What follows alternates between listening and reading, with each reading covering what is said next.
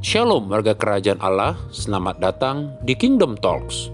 Mari siapkan telinga dan hati kita supaya dapat menerima pesan Tuhan untuk kamu dan saya. Kingdom Talks, bringing peace to your heart. Shalom saudara, saya percaya setiap kita mengalami Tuhan di mana pun kita berada. Terutama di rumah, di mana saja saat ini, di mana setiap orang harus memulai segala sesuatu dari rumah. Bekerja dari rumah, beribadah dari rumah, dan semua dimulai dari rumah.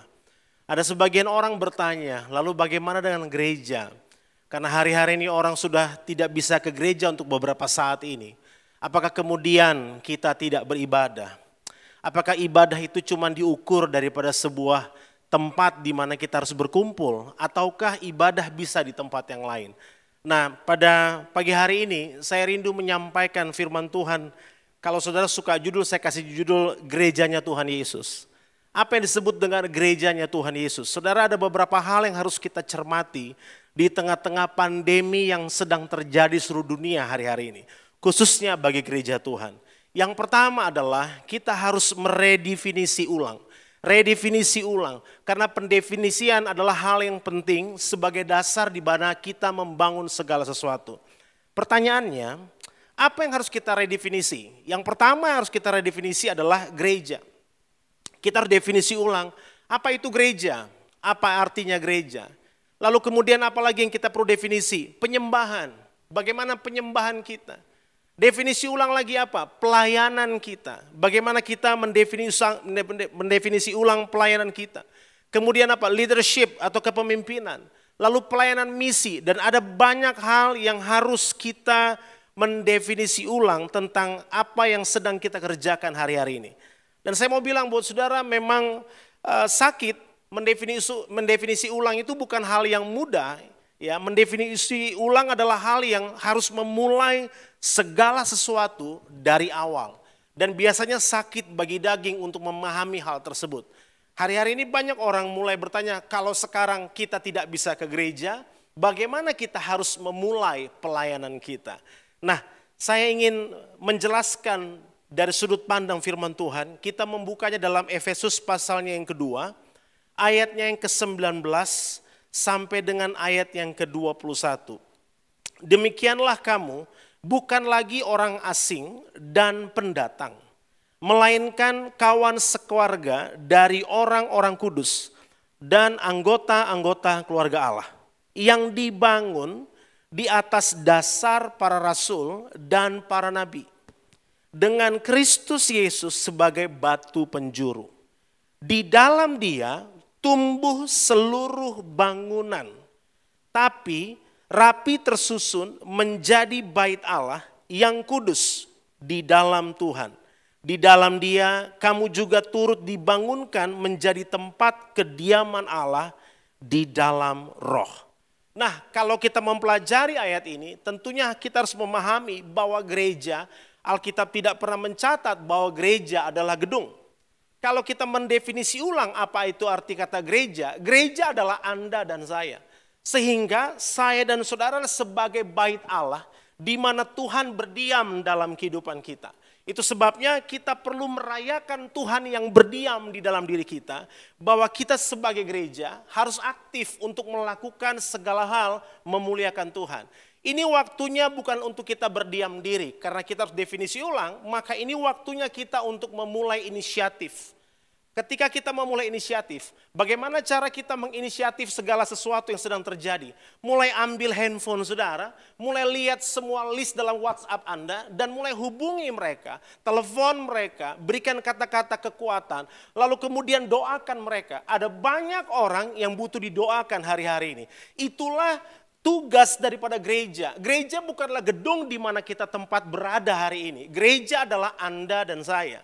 Lalu setelah kita punya inisiatif, kita mulai bergerak kepada yang disebut dengan kreativitas. Setelah kita memiliki kreativitas, maka jangan heran kita tidak pernah habis ide untuk mengerjakan apa yang menjadi kehendak Tuhan dalam kehidupan kita. Sebab gereja harus keluar daripada gereja yang cuma sekedar gedung menjadi gereja yang keluar blueprintnya dari ide Allah itu sendiri. Makanya kenapa kita perlu mendefinisi ulang.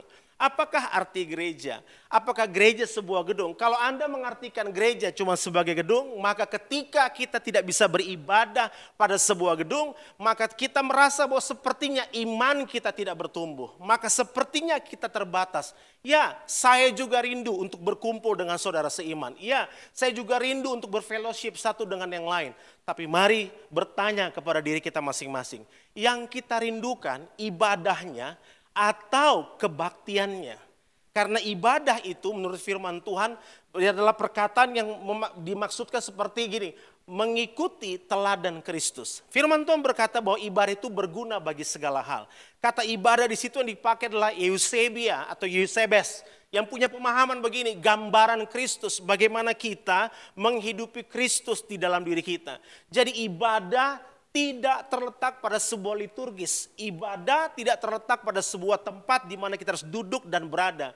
Tapi ibadah adalah bagaimana kita mengembangkan gaya hidup Kristus yang terutama itu keluar dari diri kita. Ada tiga hal yang saya mau bagi buat saudara. Yang pertama ini tadi adalah meredefinisi ulang apa itu gereja. Kalau saudara sudah bisa mendefinisi apa itu gereja, maka saudara tidak akan kecewa dan menjadi letih ketika menghadapi pandemi hari-hari ini. Iman saudara tidak tergantung pada pendeta, iman saudara tidak tergantung pada sebuah gereja. Keselamatan saudara hanya tergantung kepada Kristus. Itu sebabnya setiap daripada kita harus mengerjakan keselamatan yang Tuhan telah berikan pada saya dan saudara. Yang kedua adalah bagaimana kita harus restrukturisasi. Apa maksudnya restrukturisasi? Gereja harus menjadi gereja yang simple Gereja harus menjadi gereja yang sederhana. Ketika keadaan pandemi, ibadah online tidak menjadi masalah bagi Anda dan saya. Ada banyak orang bertanya kenapa gereja sekarang online. Padahal dulu waktu gereja masih berada di gedung dan semua orang masih bisa beribadah sebelum pandemi. Banyak orang yang online di dalam gedung gereja. Dan gak ada yang bahas juga ketika firman Tuhan disampaikan, ada banyak jemaat juga pakai WhatsApp sementara firman disampaikan. Ketika firman disampaikan, ada banyak orang juga buka, buka YouTube sementara beribadah. Lalu pertanyaannya, kalau ibadah cuma dibatasi pada gedung gereja, saudara dan saya tidak akan pernah siap menghadapi masa-masa sukar ke depan. Itu sebabnya kita perlu mengalami restrukturisasi. Bagaimana gereja harus siap berpindah pada setiap season yang baru yang Tuhan siapkan bagi Anda dan saya. Sebenarnya new normal bukan hal yang baru Bapak Ibu Saudara. New normal sudah dimulai sejak zaman Pentakosta terjadi. Ketika rasul-rasul mengalami zaman roh kudus sesuatu yang tidak pernah mereka alami. Hari itu mereka alami. So that's the first new normal. Jadi Anda dan saya sebenarnya hari-hari ini sedang mengerjakan apa yang menjadi kehendak Tuhan bagi kita. Nah, mari kita perlu restrukturisasi bahwa tidak ada tidak ada tidak ada perbedaan antara imam dengan orang-orang yang awam. Setiap orang hari ini harus melayani. Coba saudara perhatikan, ada banyak suami selama ini tidak pernah berdoa bagi istrinya. Tidak pernah tumbang tangan bagi anak-anaknya. Apalagi memimpin perjamuan kudus di rumah. Tapi hari ini semua suami harus melayani keluarganya di rumah. Semua suami harus berdoa bagi istrinya. Setiap istri harus menjadi tiang doa bagi keluarganya. Anak-anak harus berdoa. Mereka nggak bisa lagi bergantung kepada gereja. Di seluruh dunia orang harus mengalami restrukturisasi. Itu sebabnya gereja perlu dibangun di atas dasar Kristus. Sehingga gereja memahami saya adalah gereja. Saya akan bergerak dengan kehendak Tuhan. Saya tidak bergerak dengan kehendak manusia. Yang saya lakukan adalah bagaimana Tuhan dipermuliakan dalam kehidupan saya. Mari Bapak Ibu Saudara, gereja harus stay simple. Tetap sederhana. Kita tidak ter, terletak pada sebuah koridor tentang harus di gedung, harus semua tempat. Kalau nanti kemudian kita bisa kembali kepada gedung gereja setelah pandemi selesai, puji Tuhan. Tapi kalaupun tidak, saudara pelajari kisah Rasul pasal 2, di mana dari rumah ke rumah mereka beribadah. Dari rumah ke rumah mereka memecah roti, mereka memuji, menyembah Tuhan, mereka berdoa. Enggak disebutkan sebuah gedung. Tapi kalau hari ini kita punya gedung gereja dan saudara bisa beribadah, itu puji Tuhan, itu berkat. Tapi kalaupun saat ini kita belum bisa, mari stay simple. Enggak usah bahas apakah ini rohani atau tidak ketika kita online. Saya beritahu buat saudara, online, tidak online, kerohanian kita tidak ditentukan oleh tersebut. Kerohanian Anda ditentukan oleh pertumbuhan kita di dalam Kristus. Di mana pun kita bisa mengalami jamahan Tuhan. Di mana pun kita bisa mengalami roh kudus bekerja dalam kehidupan kita. Kalau kita sudah mengalami stay simple, maka kita akan mengalami yang disebut dengan stay connected. Anda dan saya bisa tetap terhubung. Karena hubungan tidak dibatasi oleh sebuah tempat dan waktu. Stay connected. Kita bisa connected dengan Tuhan, tetap terhubung dengan Tuhan di mana saja. Tidak heran kalau ada orang bisa mengalami hadirat Tuhan di mobil. Tidak heran kalau orang bisa mengalami hadirat Tuhan bahkan di kamar mandi sekalipun. Kenapa? Karena hubungan yang terbangun bukan hubungan yang baru saja dibangun, tetapi hubungan yang terbangun adalah hubungan yang telah dibangun sekian lama dan itu berubah menjadi sebuah gaya hidup.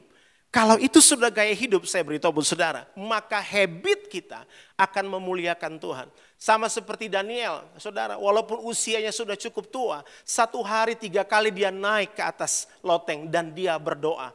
Saudara, kenapa dia tidak merasa lelah? Karena itu adalah gaya hidup yang sudah terbangun sekian lama. So, pastikan Anda dan saya stay connected. Bukan cuma stay simple, kita stay connected. Dan yang terakhir adalah kita tetap melayani, stay serving. Dalam keadaan apa pun Anda bisa melayani pakai semua media sosial yang Anda punya untuk melayani. Itulah fungsi gereja. Restrukturisasi. Saudara, pelayanan tidak harus di mimbar ini. Pelayanan tidak harus di panggung. Sebab penyembahan tidak dibangun dari panggung ke panggung. Penyembahan tidak dibangun juga dari gedung ke gedung. Penyembahan dibangun oleh hidup yang memuliakan Tuhan.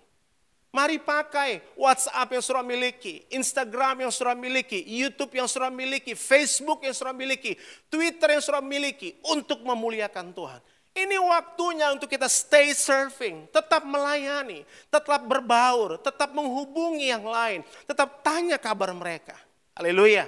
Saya percaya kalau gereja Tuhan memahami hal ini, maka apa pun di sekitar kita tidak akan pernah bisa menggoncangkan apa yang di dalam kita.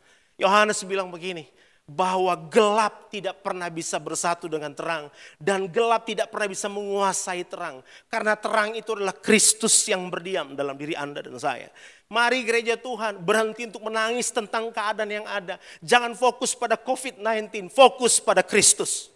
Jangan fokus kepada kerugian yang kau alami hari ini. Jangan fokus kepada segala rencana yang mungkin gagal engkau coba buat di 2020. Itu sudah berlalu. Ini waktunya Anda fokus pada apa yang Kristus mau dalam hidup saudara. Mari tanya Tuhan, minta pewahyuan. Tahukah saudara? Bahwa hari-hari ini adalah hari di mana Tuhan mencurahkan pewahyuan yang secara besar-besaran. Ketika Anda berada di rumah, Anda menjadi bait Allah. Tuhan berdiam di situ, bukan di gedung Tuhan berdiam. Dia berdiam atas kepunyaannya. Dia berdiam dalam diri saya dan saudara. Yeremia 31 berkata demikian, bahwa firman Tuhan itu tidak lagi diletakkan pada dua loh batu, tapi firman itu diletakkan pada batin manusia, ditaruh dalam hati manusia, supaya manusia menyadari bahwa akulah Tuhan. Restrukturisasi Bapak Ibu Saudara Gereja bukan gedung. Gereja adalah Anda dan saya yang di dalamnya ada Kristus yang berdiam. Hari ini mari aktivasi semua gift, semua karunia yang Tuhan taruh dalam diri saudara. Aktivasi, jangan berhenti pada sebuah keadaan, jangan menangisi keadaan yang sudah ada hari ini. Itu sebabnya saya ulangi, jangan fokus pada COVID-19, fokus pada Kristus. Berhenti untuk menangis dan cengeng, semua orang sedang mengalami proses. Saya tidak berkata bahwa saya tidak memiliki proses. Saya pun diproses oleh Tuhan. Tapi saya belajar dan saudara pun harus belajar. Kita semua harus belajar bahwa Kristus yang terutama dalam kehidupan kita. Dia Tuhan yang tidak pernah menutup matanya atas apa yang sedang Anda dan saya alami. Dia Tuhan yang tidak pernah menutup telinganya untuk mendengar setiap doa yang sudah naikkan. Dia Tuhan yang selalu ada dalam kehidupan kita. Di dalam segala sisi kehidupan Anda dan saya. Dia Tuhan yang akan terus memperlengkapi Anda dan saya. Dari hari ini seterusnya dan sampai selama-lamanya. Restrukturisasi gereja Tuhan. Gereja ada waktunya di mana firman Tuhan berkata ada waktunya untuk menangis. Ada waktunya untuk tertawa. Mungkin ini waktunya. Gereja harus dimulai dari rumah. Karena gereja bukan gedung.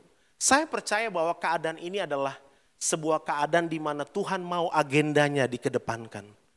Setiap Anda dan saya punya agenda pribadi masuk 2020. Kita punya perencanaan yang luar biasa. Tapi saya percaya Tuhan sedang goncang semua. Supaya agenda Tuhan yang menjadi terdepan. Dan bukan agenda pribadi kita. Jadi belajarlah taat dan tunduk. Alami restrukturisasi di dalam Tuhan sebagai gereja. Yang ketiga adalah reposisi. Saudara, bagaimana cara kita mereposisi? Apa yang kita reposisi hari ini? Yang Anda dan saya harus reposisi adalah gaya hidup. Kita perlu mereposisi gaya hidup. Yang dulu sering makan di luar, sekarang semua makan di rumah.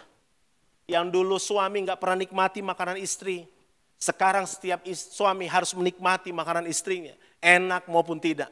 Sekarang coba saudara perhatikan, semua orang mendadak jadi chef, semua orang mendadak jadi barista. Itu tanda bahwa proses melahirkan sebuah kreativitas yang luar biasa. Jadi saudara dengar baik, Anda harus mereposisi, reposisi gaya hidup saudara. Gaya hidup yang dulu cuek. Lihat, seluruh dunia kalau kita lihat media sosial, di Brazil, di mana-mana, orang sekarang memuji menyembah Tuhan sampai di jalan-jalan. Di Amerika di atas rumah sakit orang menyembah Tuhan. Dulu di gereja suruh menyembah, lipat tangan seperti ini. Dulu suruh berdoa, susahnya minta ampun. Hari ini nggak perlu disuruh, otomatis bergerak. Kenapa? Terjadi reposisi gaya hidup. Saya percaya sorga sedang tersenyum melihat kita hari ini. Bukan Tuhan senang dengan virus yang ada, tapi Tuhan senang melihat respon gereja yang benar bahwa ternyata walaupun kita tidak bisa berkumpul untuk beberapa saat di sebuah gedung di mana kita dipercayakan Tuhan, tapi Anda tetap bisa melayani Tuhan. Kehendak Tuhan tidak dimulai dari denominasi. Kehendak Tuhan dimulai dari pribadi yang telah ditebus oleh Kristus. Saya dan saudara perlu mengerjakan apa yang menjadi kehendak Tuhan. Nah, karena tadi saya katakan kita redefinisi, restrukturisasi dan kita harus reposisi maka kita harus memahami gini, bahwa gereja harus kembali ke dasar kenapa gereja harus berdiri. Apa yang harus gereja lakukan? Gereja harus mengutamakan fungsi dan tujuannya untuk memperlengkapi orang kudus bagi pekerjaan Tuhan. Inilah inilah waktunya All Saints Movement. Semua kegerakan semua orang kudus. Di Rock Ministry kita diajar tentang hal tersebut. All Saints Movement kalau Anda mengerti tentang kerajaan Allah, Kingdom of God established bukan pada program. Kingdom of God established pada diri manusia yang mau mengerjakan kehendak Allah. Itu sebabnya kita perlu mengerti fungsi. Harusnya semua daripada kita berfungsi. Di mana? Makanya jangan kaget. Nanti ketika satu waktu pemerintah dan seluruh dunia mengizinkan orang kembali beribadah di gedung. Saudara jangan kaget. Ada talenta-talenta yang dulu tidak terlihat. Di gereja akan terlihat. Saudara akan lihat ada tuayan pelayan-pelayan Tuhan yang luar biasa. Yang dulu nggak kelihatan bisa main musik tiba-tiba akan muncul. Saya mau melayani. Yang dulu tidak pernah mau berdoa syafaat tiba-tiba orang akan daftar. Saya mau jadi pendoa syafaat. Yang dulu tidak mau uh, karunia untuk apa namanya besuk orang, menguatkan orang. Tiba-tiba saudara lihat semua karunia akan aktif di gereja Tuhan. So ini waktunya gereja. Hai gereja, prepare yourself. Persiapkan diri saudara. Sebab kedatangan Tuhan tidak lama lagi. Di mana semua orang harus siap untuk menjadi pergerakan orang-orang kudus. All Saints Movement. Semua orang berfungsi. Tidak lagi waktunya kita berpangku tangan. Ini bukan waktunya di mana kita diam dan duduk menyaksikan apa yang terjadi. Lalu kita jadi lebay. Kita jadi nangis terus tentang keadaan yang ada. Stop crying. Kalau saudara mau nangis, nangis di hadirat Tuhan. Menangis bukan karena keadaanmu, tapi nangis karena begini. Tuhan, mampukan saya mengerjakan kehendak.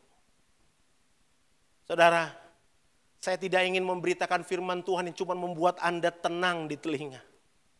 Tapi saya belajar untuk begini, semua orang alami proses. Mau orang kaya, orang miskin. Orang miskin saat ini berteriak karena dia nggak tahu besok makan apa.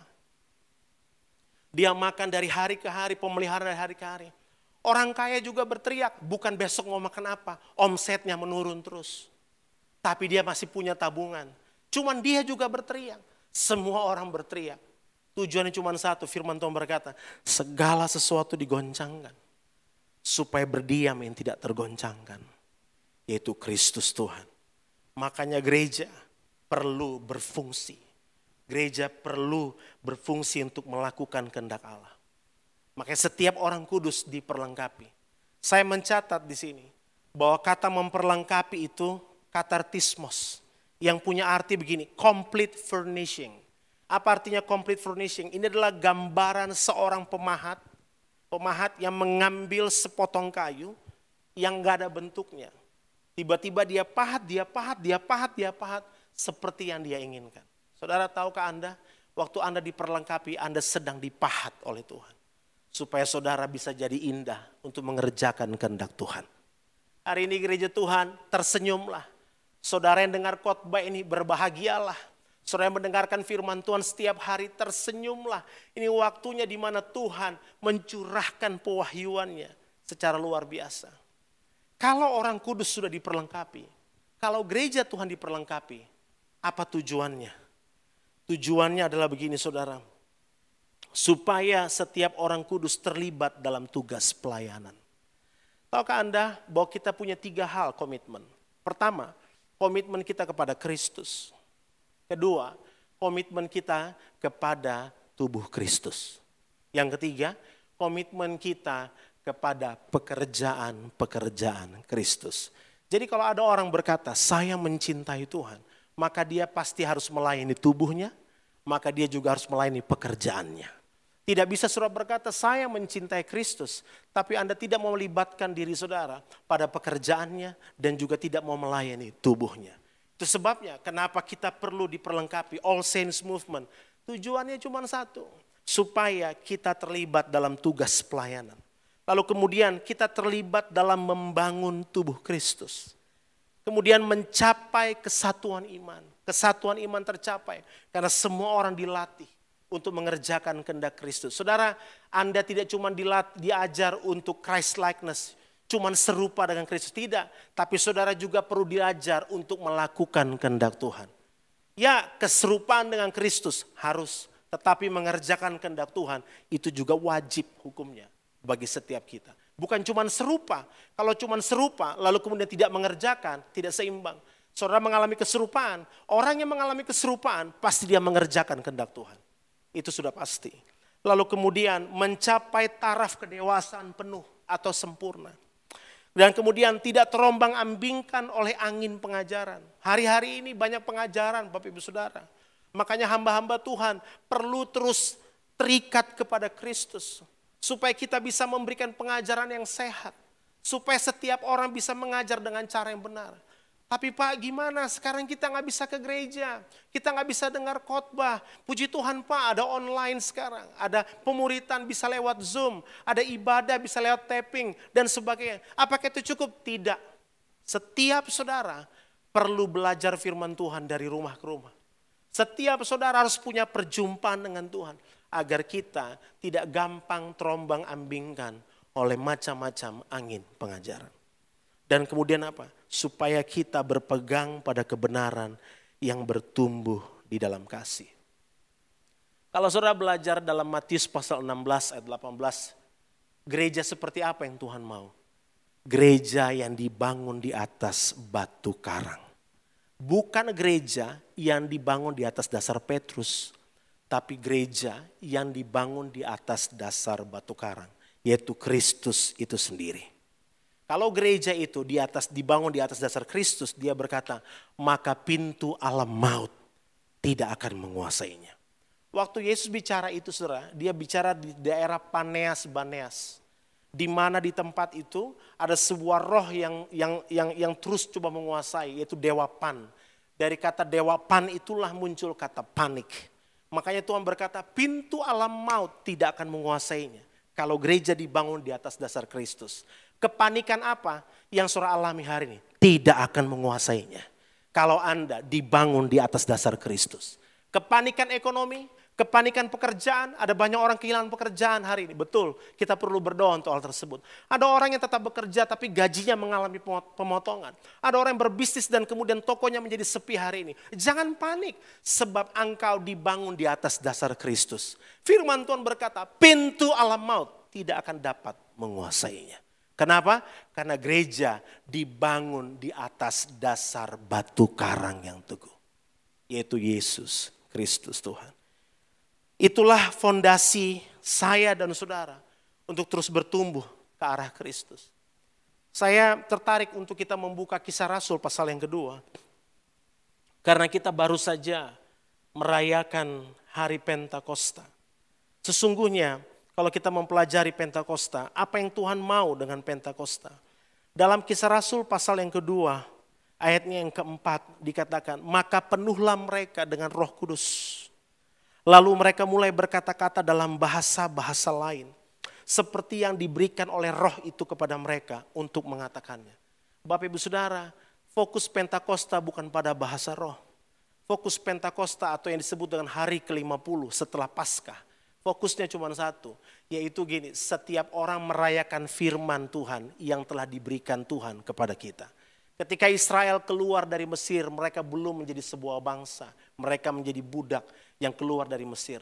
Tapi ketika firman Tuhan turun di atas gunung Sinai, mereka berubah menjadi sebuah bangsa. Kenapa? Karena firman Tuhan diberikan kepada mereka, mereka belajar dipimpin oleh Tuhan.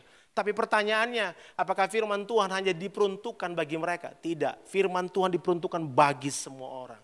Makanya Yesaya, Yehezkiel, dan Yeremia menafsirkan bernubuat begitu lama, 600-700 tahun jauh sebelum kitab Matius berbicara tentang perjanjian baru. Bahwa firman Tuhan, bahwa Christ in you telah ada dalam hidup saya dan saudara. Sejak waktu itu ketika firman Tuhan berdiam dalam diri saya dan saudara.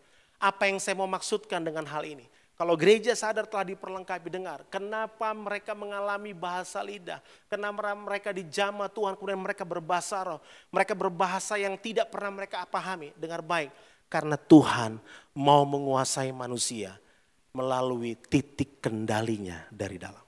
Yakobus pasal 3 berkata, hidup dan mati dikuasai oleh lidah. Itu sebabnya kenapa kita dijama roh kudus di lidah pertama kali supaya lidah kita dikuasai oleh roh Allah. Supaya di tengah-tengah pandemi ini mulut Anda tidak mengatakan hal-hal yang negatif. Supaya di tengah-tengah pandemi ini mulut saudara tidak memperkatakan hal-hal yang membuat saudara menjadi lemah dan orang lain menjadi lemah.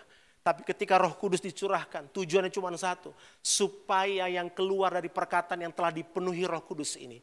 Menjadi perkataan yang membangun setiap orang. Sejak hari itu, murid-murid menjadi orang-orang yang berani menjadi orang-orang yang luar biasa. Ada satu keberanian yang keluar dari dalam. Ada sesuatu yang mengal, ada sesuatu yang hebat yang keluar dari diri mereka.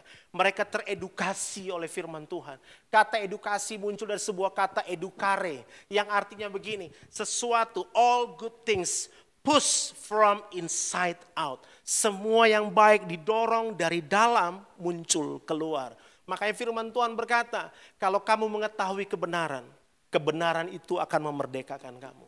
Nah kalau saudara teredukasi dengan kebenaran firman yang saudara renungkan setiap hari, maka saya mau beritahu Anda akan dimerdekakan dari dalam keluar. Makanya waktu roh kudus dicurahkan, Tuhan mau menguasai manusia dari dalam keluar. Bukan dari luar, dari dalam. Karena pusat titik kendali kehidupan manusia pada lidahnya. Bapak ibu saudara, tiga hal saya ulangi redefinisi ulang hidup saudara. Sebagai gereja Tuhan, sebagai hamba Tuhan. Hari-hari ini semua orang dilucuti pada panggilan dasarnya. Dilucuti, saya hamba Tuhan yang biasa melayani di mimbar seperti hari ini. Memasuki tahun ini, beberapa pelayanan mungkin cancel. Karena orang tidak bisa beribadah di gedung. Apakah kemudian kita berhenti untuk melayani Tuhan? No, Tuhan sedang lucuti saya sampai pada panggilan yang paling dasar. Bahwa saya dipanggil untuk menjadi berkat Saudara dipanggil untuk Tuhan dipermuliakan. Jadi jangan berhenti menjadi berkat. Jangan berhenti untuk memberi. Jangan berhenti untuk berkorban. Jangan berhenti untuk menabur. Yang kedua, kita mengalami begini. Dilucuti sampai pada kebutuhan-kebutuhan yang dasar. Abraham Maslow menulis sembilan hal tentang kebutuhan manusia. Tapi saya beritahu buat saudara, kebutuhan terutama kita adalah diam di hadirat Tuhan. Kebutuhan terutama kita adalah menyenangkan Tuhan bagaimana kehendak Tuhan sekali lagi terlaksana dalam kehidupan kita. Saya tutup dengan tiga DNA daripada gereja yang harusnya gereja kerjakan. Yang pertama adalah divine encounter. Gereja Tuhan harus memiliki perjumpaan ilahi. Kekristenan tanpa perjumpaan ilahi bukanlah sebuah kekristenan. Sebab waktu saudara mengalami divine encounter, saudara akan cuma fokus pada apa yang Tuhan mau, bukan pada apa yang saya dan saudara mau. Karena waktu kita masuk di 2020 ini, semua yang kita mau luluh lantak bukan? Semua yang kita cita-citakan, semua yang kita rancangkan, selesai karena pandemi ini. Itu sebabnya Tuhan mau Anda dan saya mengerjakan menjadi kehendak Tuhan. Yang kedua adalah natural relationship. Hubungan yang natural. Hubungan yang tidak dibuat-buat. Hubungan yang memang ada. Gereja harus punya gaya hidup ini yang disebut sebagai gaya hidup saling di mana di setiap sel grup, setiap orang, di kelompok-kelompok kecil. Orang berpindah, berpindah dari gereja besar, dari mega church kepada komunitas-komunitas kecil. Kekuatan kita adalah bukan ketika kita kumpul banyak orang. Kekuatan kita adalah ketika kita saling menguatkan satu dengan yang lain. Ini disebut sebagai natural relationship. Dan yang terakhir adalah availability for sinner atau ketersediaan kita untuk menerima setiap orang sekalipun dia adalah orang yang berdosa. Saya berdoa supaya firman Tuhan ini bisa menjadi kekuatan bagi saya dan saudara. Menjadi jamahan Tuhan yang luar biasa. Saya berdoa supaya Anda tetap kuat di dalam Tuhan. Apa pun keadaan saudara hari ini. Jadilah gerejanya Yesus Kristus. Jadilah gereja yang dibangun di atas dasar Kristus. Saya ingin menyanyikan sebuah lagu. Saya mengundang para worship leader, dan singers yang saya ciptakan di tengah-tengah keadaan pandemi ini. Sudah tahu, ada banyak hal yang Tuhan singkapkan bagi saya secara pribadi. Saya percaya Anda pun mengalami hal yang sama. Tuhan beri nyanyian baru dalam diri saya. Tuhan beri. Ini artinya bahwa kita tidak boleh berhenti berkreativitas. Tetap berkreativitas. Semoga lagu ini menjadi berkat. Kita pelajari bersama-sama. Oh,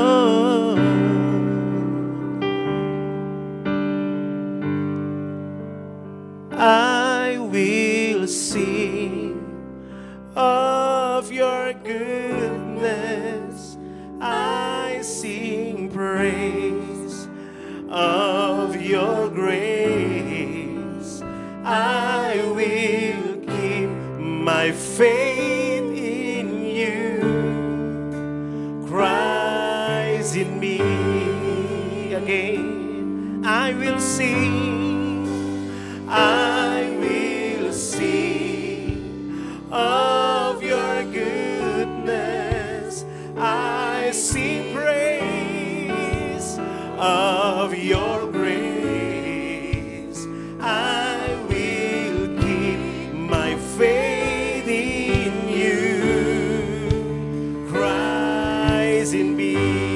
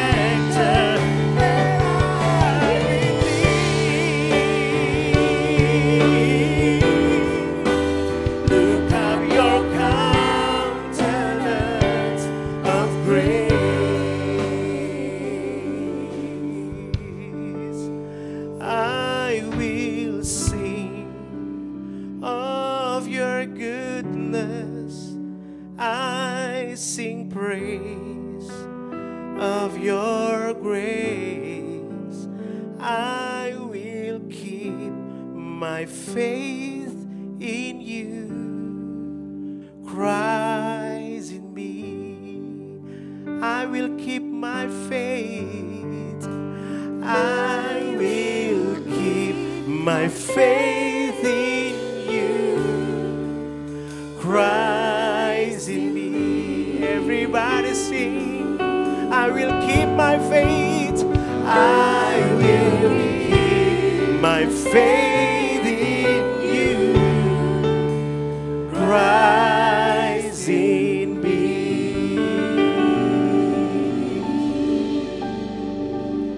Tuhan tolong gerejamu untuk tetap berdiri teguh. Kekuatan kami di dalam hadiratmu. Ketika kami tetap terhubung dengan engkau. Firmanmu berdiam dalam kami. Sehingga iman kami tetap di dalam engkau. Kristus yang ada di dalam. Dalam nama Yesus.